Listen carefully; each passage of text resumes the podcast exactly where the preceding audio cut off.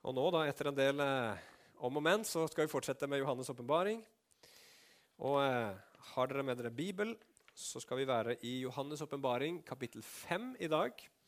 Så slå gjerne opp der og, og kikk. Ok, Da åpner vi opp i Johannes' åpenbaring kapittel 5 i dag. Og så skal vi lese fra vers 1 til 14. Der står det i Johannes' åpenbaring 5, vers 1. Og i den høyre hånden til ham som sitter på tronen, så jeg en bokrull som det var skrevet på både på innsiden og utsiden, forseglet med sju seil. Deretter så jeg en mektig engel som forkynte med høy røst. Hvem er verdig til å åpne bokrullen og bryte seilene på den? Og ingen i himmelen eller på jorden eller under jorden var i stand til å åpne bokrullen eller å se på den.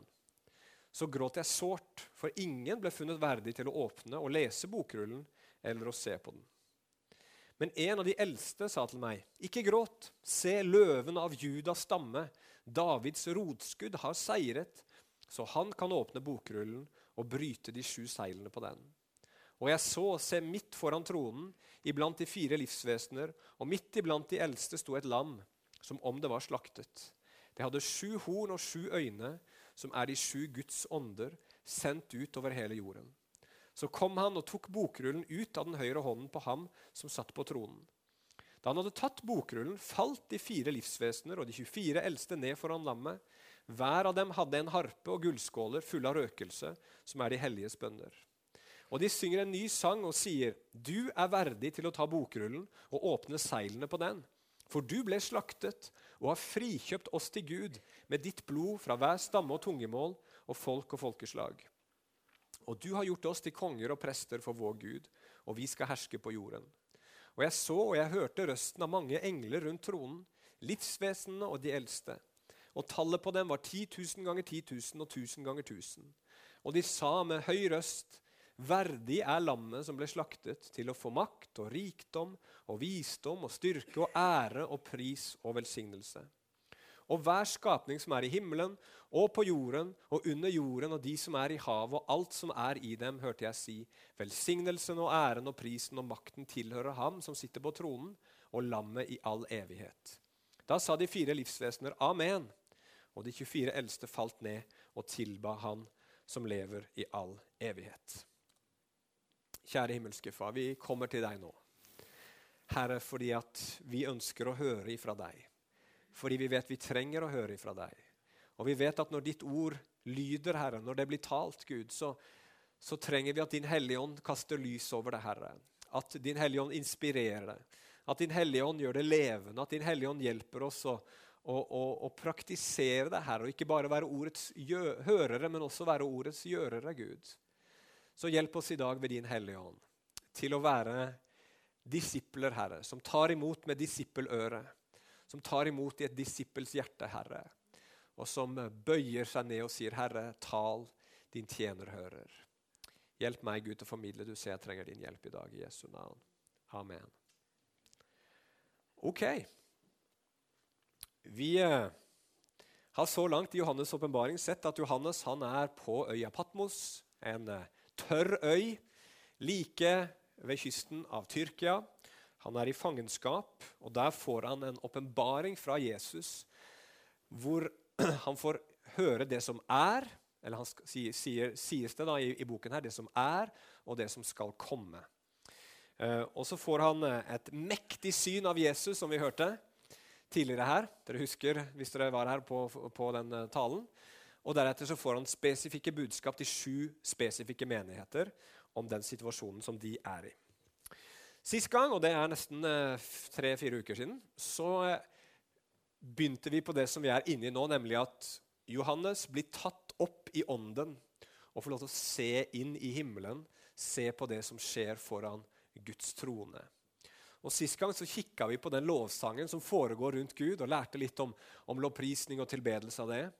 Og I dag så fortsetter denne eh, åpenbaringen eh, med at vi får se en bokrull som dere hørte om her, og et lam som blir lovprist. Og Det er det vi skal bruke tid på i dag. Eh, vi skal se på tre ting. Jeg har tre overskrifter i dag. For det første, hva i all verden er denne bokrullen for noe? For det andre, hvorfor var det bare lammet som kunne åpne denne bokrullen. Og så til slutt skal vi si litt om hva dette vil si for våre liv. Ok, Vi begynner med denne bokrullen. Det ligger altså en bokrull i hånda, den høyre hånda til han som sitter på tronen oppe i himmelen. Og vi skjønner jo at det er Gud. Noen oversettelser tror jeg har en bok, og da tenker vi veldig fort på en sånn bok ikke sant? med omslag og sider. Men det er altså en bokrull. Jeg tror knapt denne boka var oppfunnet på den tiden da Johannes' åpenbaring ble skrevet. Så dette her er høyteknologisk, eh, en høyteknologisk bok. På den tiden så hadde det litt dårligere gammeldags teknologi. Så det var en rull, da. Og den var hvis du rulla den ut, ca. 15 meter lang. Og så skrev man på den rullen bort igjennom. Og hvis du hadde stort behov for plass, så brukte du begge sider av rullen. Da skrev du både på framsiden og på baksiden av rullen. Og den rullen som vi ser her, den var brukt til maksimal kapasitet. For det står at det var skrevet både på utsiden og på innsiden. Så den er full. Og så er den forsegla med syv seil. Og dere har sett, selvsagt sånn som det var i gamle dager når man skrev et brev, så hadde man eh, voks som man varma opp, og som man eh, lot dryppe over der hvor konvolutten ble åpna. Og så fikk det et seil på seg, man stempla ned på det, og så størkna det. Og Det var for å forsikre at den som skulle åpne konvolutten, åpna den, og ingen andre. Innholdet var forsegla. Ehm, så her er det sju seil. Og Det betyr at denne bokrullen her, den kunne ikke hvem som helst åpne. Den måtte noen finnes verdig til å åpne, står det her. Så det går ut et kall. Er det noen som er verdig til å åpne denne bokrullen? Og så er det ingen som ble funnet, står det. Verken i himmelen, eller på jorden eller under jorden. Så overalt, i alt som fins og eksisterer, så finner man ingen som er som det står her, til og med i stand til å åpne denne bokrullen og til å bryte de syv seilene på den. Og så reagerer Johannes her. Han gråter sårt, står det i den norske oversettelsen. Men hvis du eh, kikker litt på den opprinnelige teksten her, så, så står det faktisk at han gråter masse. Han, han, opplever dette som en tragedie, en stor ulykke, så han begynner å hulkegråte. Er ikke du litt nysgjerrig på hva det står i den bok, bokrullen? da? Liksom? Hva er dette for noe? Hva er dette som er så viktig? Syv seil, liksom. Det, det, det, det forteller oss at dette her er kjempeviktig. Dette er, et fullkomment innhold i den. Den er i Guds høyre hånd. Ikke hvem som helst kan åpne den, og det finnes ingen som er verdig til å åpne den. Og når Johannes hører at den ikke kan bli åpna, så gråter han. Hva i all verden er det i denne bokrullen? Vel, vi finner ikke svar i dagens tekst, men jeg skal gi, gi dere en spoiler. Som det heter. Det er ikke, ikke en uh, sånn greie som er bak på bilen, men en sånn avsløring på forhånd av hva som kommer i neste kapittel. For i neste kapittel så blir disse seilene åpna. Uh, og det er jo det lammet som vi nettopp leste om, så klart. Og da ser vi hva som er innholdet i denne, eh, denne, denne bokrullen. Da. Og den avslører, gjør oss kanskje ikke så veldig mye klokere. Fordi at det som kommer da når, når, seilene brytes, og det skal vi høre om neste gang, det er for det første fire ryttere på fire hester som bringer dom over jorden. Og Så kommer det femte seilet. Når det brytes, så ser vi en gjeng med martyrer som står framfor Guds trone og roper til Gud om rettferdighet. Og det sjette seilet det fører til at Guds vredes dag kommer over jorda. Og det sjuende seilet det introduserer de syv basunene som kommer etterpå. er det jo mange ting. Det er veldig spennende med Johannes' åpenbaring, for det er, så, det er, så, mange bilder og så mye som, som er spesielt. da. Eh, men, men eh, vi ser at det, det syvende seilet leder fram til at det kommer syv basuner, og så kommer det senere syv vredeskåler. Og så er liksom dette her starten på hele innholdet i den dom og den sluttføring av verdens historie som jo Johannes' åpenbaring handler om. Så Kort sagt så er denne her eh, bokrullen da, den inneholder Guds dom over verden. Og Det er klart, det kan jo forklare Johannes' tårer på en måte. fordi at eh, Hvis ikke denne her bokrullen blir åpna, så vil uretten seire. Uten dom så blir det urettferdighet. Men så er jo liksom spørsmålet, men hvorfor må man ha noen som er verdig for å åpne denne bokrullen som inneholder Guds dom? Hvorfor kan ikke Gud bare dømme denne verden og bli ferdig med det? Og Det spørsmålet det skal vi svare på når vi ser på neste spørsmål. Hvorfor er det bare lammet som er verdig? Hvorfor er det bare lammet som kan få åpne denne bokrullen? Johannes gråter fordi ingen kan åpne den, men så kommer en av disse eldste. da. Vi, dere husker fra sist gang, håper jeg. Det satt 24 eldste rundt tronen. De symboliserer Guds menighet. De tolv eh, stammehodene i Det gamle testamentet og de tolv apostlene i det nye. Eh, og Han kommer bort til Johannes og så sier han at han trenger ikke gråte. For noen har blitt funnet verdig til å åpne denne boken og bryte seilene på den. Og hvem er det? Jo, han får høre at det er løven av Judas stamme. Davids rotskudd som har seira. Hva betyr det? Jo, dette er bilder fra Det gamle testamentet som peker på Guds konge Messias. Hvis du leser Første Mosebok, kapittel 49, så omtales Juda, som skal være kongenasjonen i Israel, eller kongestammen i Israel, som en ungløve. Og Vi vet at Jesus han var av Judas stamme. Og så er det Davids rot. Det peker på David som skulle komme av Isais rot, som det står, som var faren hans, da, i Jesaja 11 og vers 1. Så her er det Messias det er snakk om. Og så tenker sikkert Johannes å, en løve! En løve har seira! Hvor er denne løven? Hvor er denne løven? Denne mektige løven som har seira, dette må jeg se. Og så står det og så ser han, og så får han se et lam. Løven av Judas stamme har seiret. Og så får, han se et lam.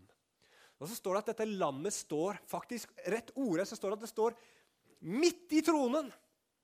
Og De aller nyeste oversettelsene har faktisk det i teksten. Det synes jeg er veldig bra. Han står midt i tronen, dette lammet.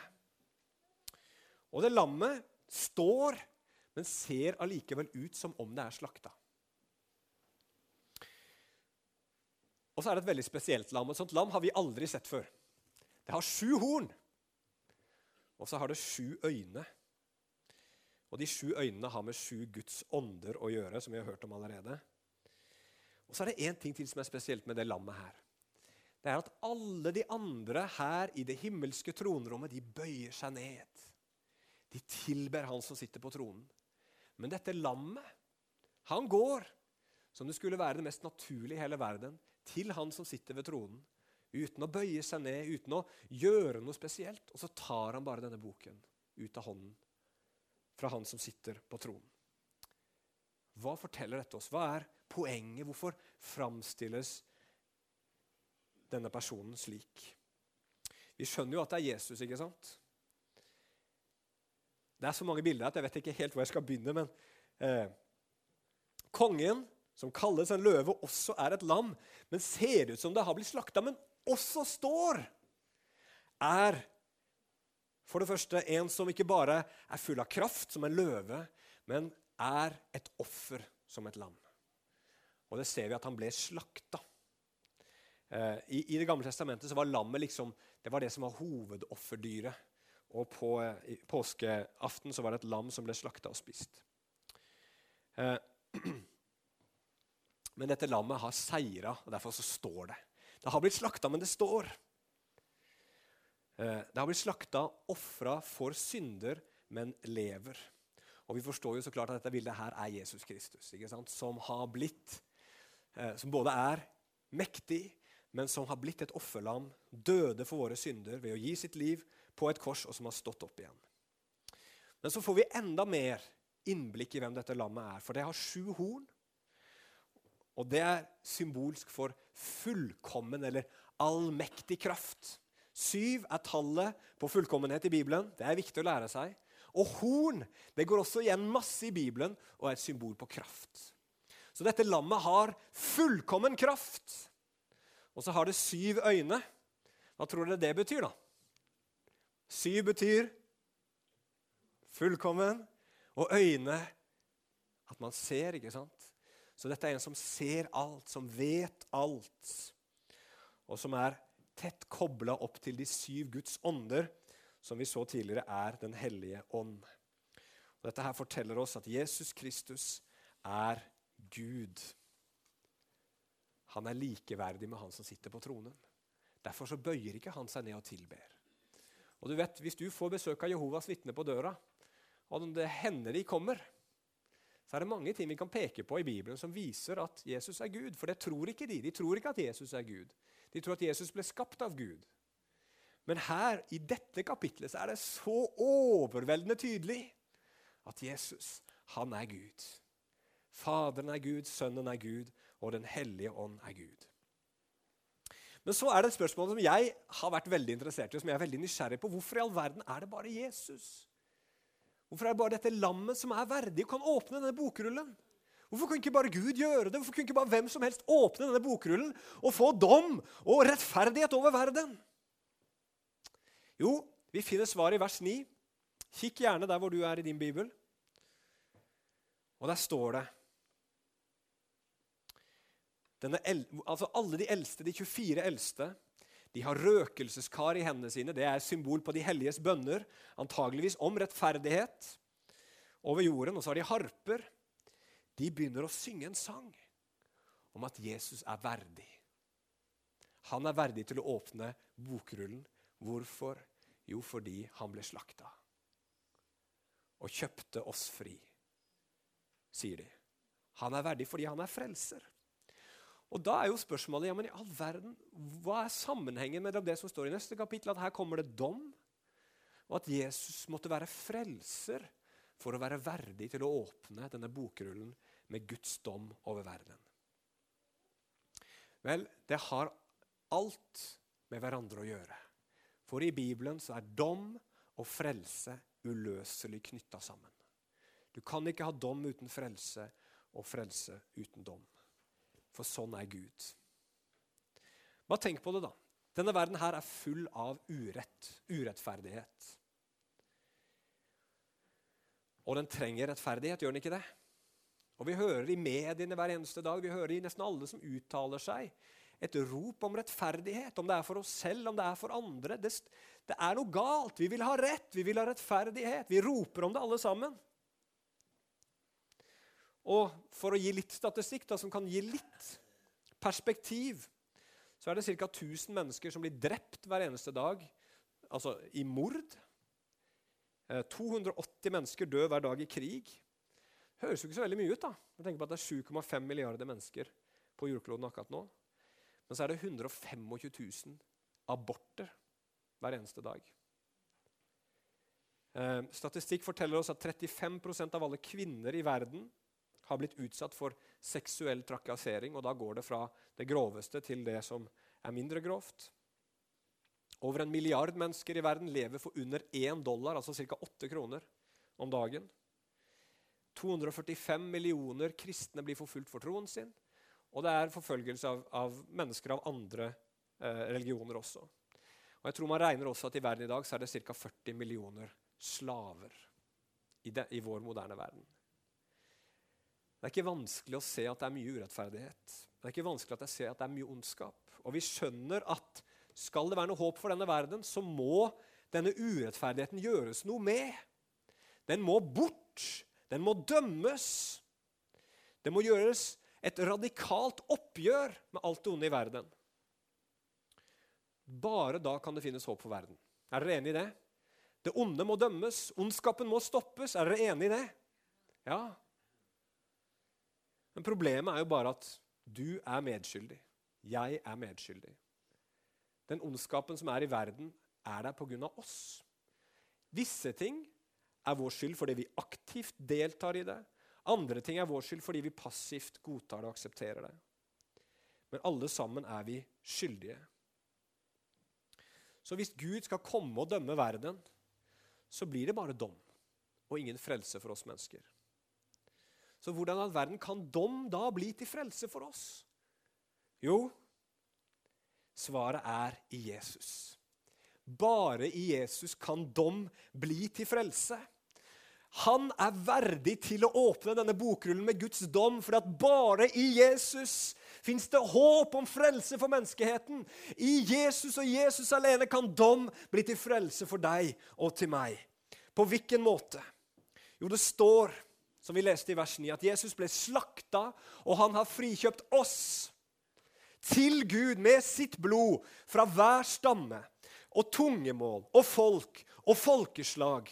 Og han har gjort oss til konger og prester for vår Gud, og vi skal herske på jorden. Det er det Jesus gjorde da han ble slakta. Han kjøpte oss fri.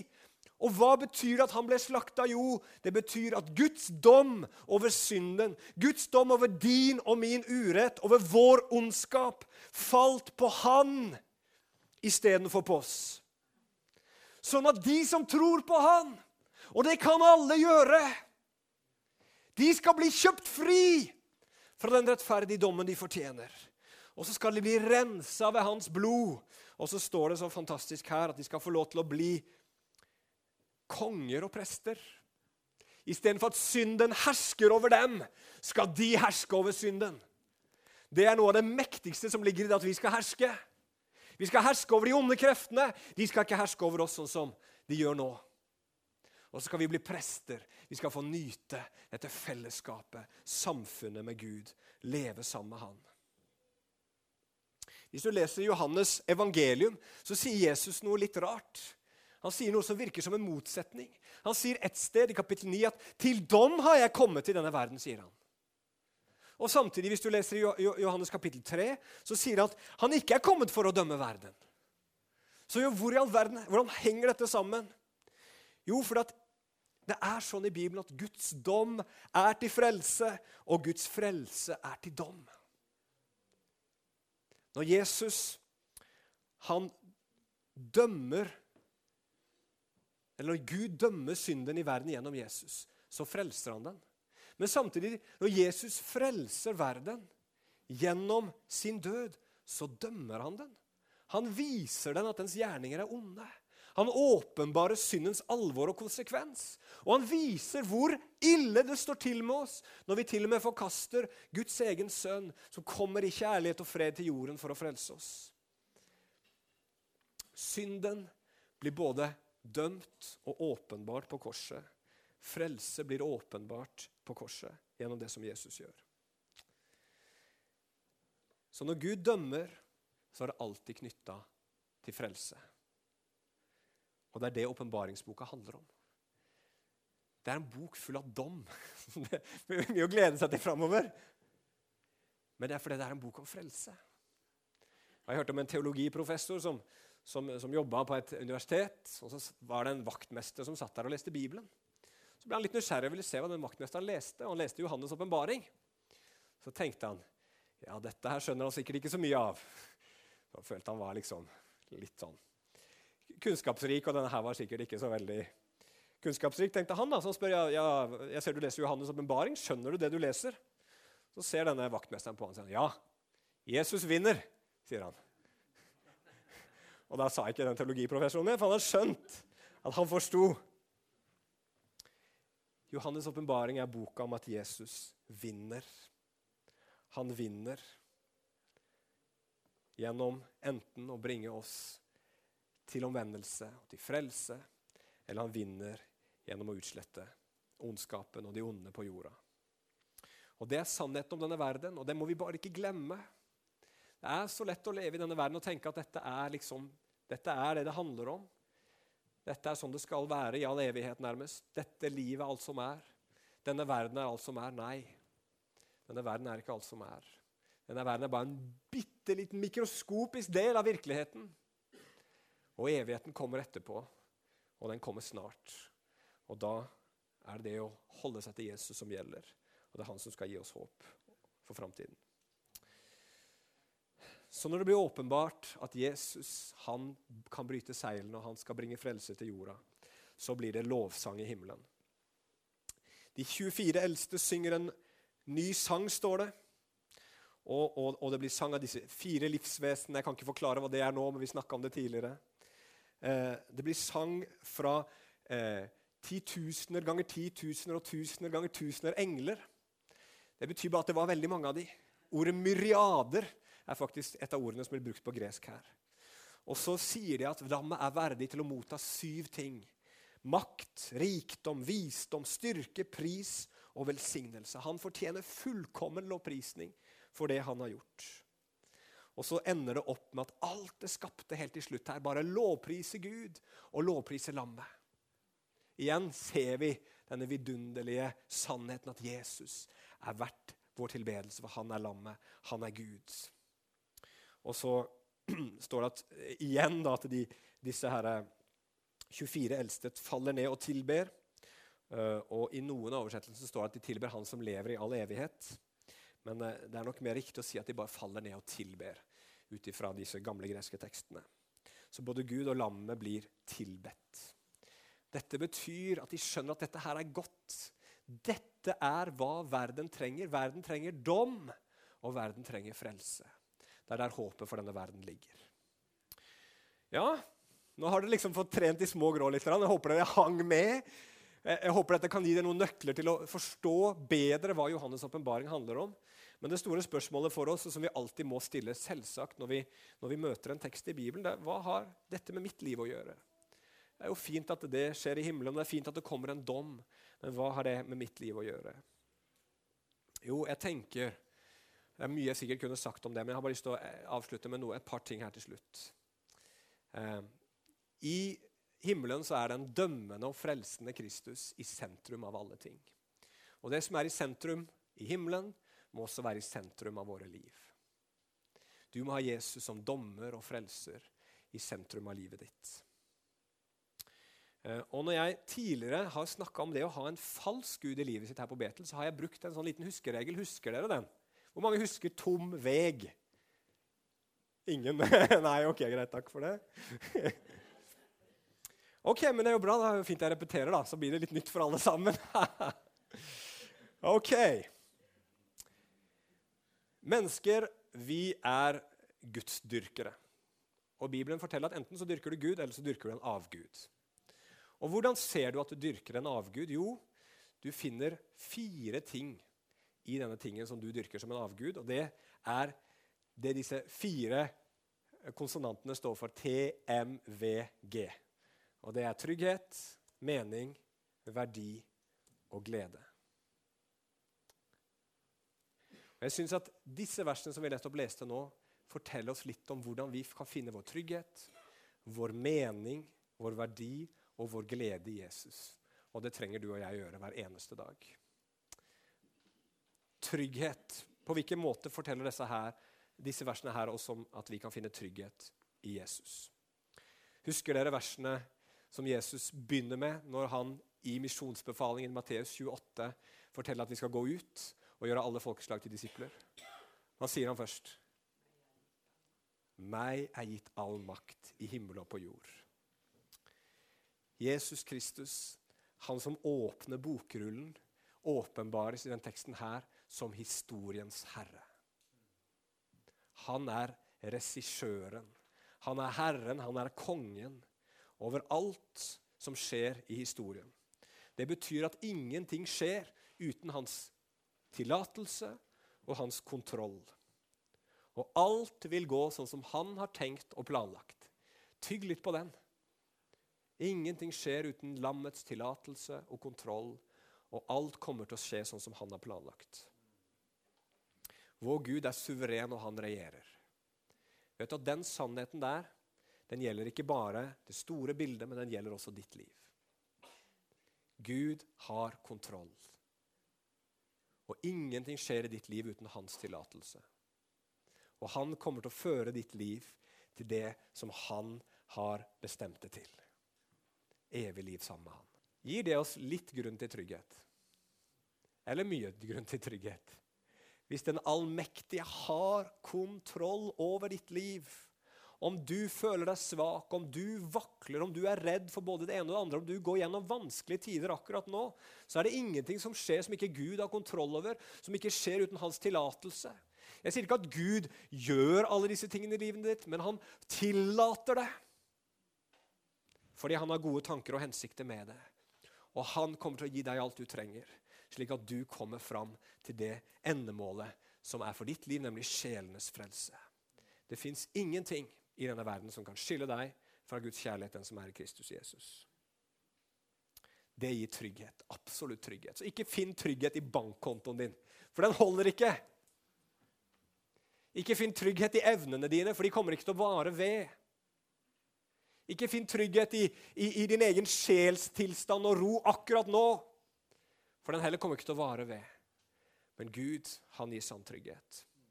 Mening i den teksten her. Hvorfor frelste Gud deg og tilga Gud deg dine synder?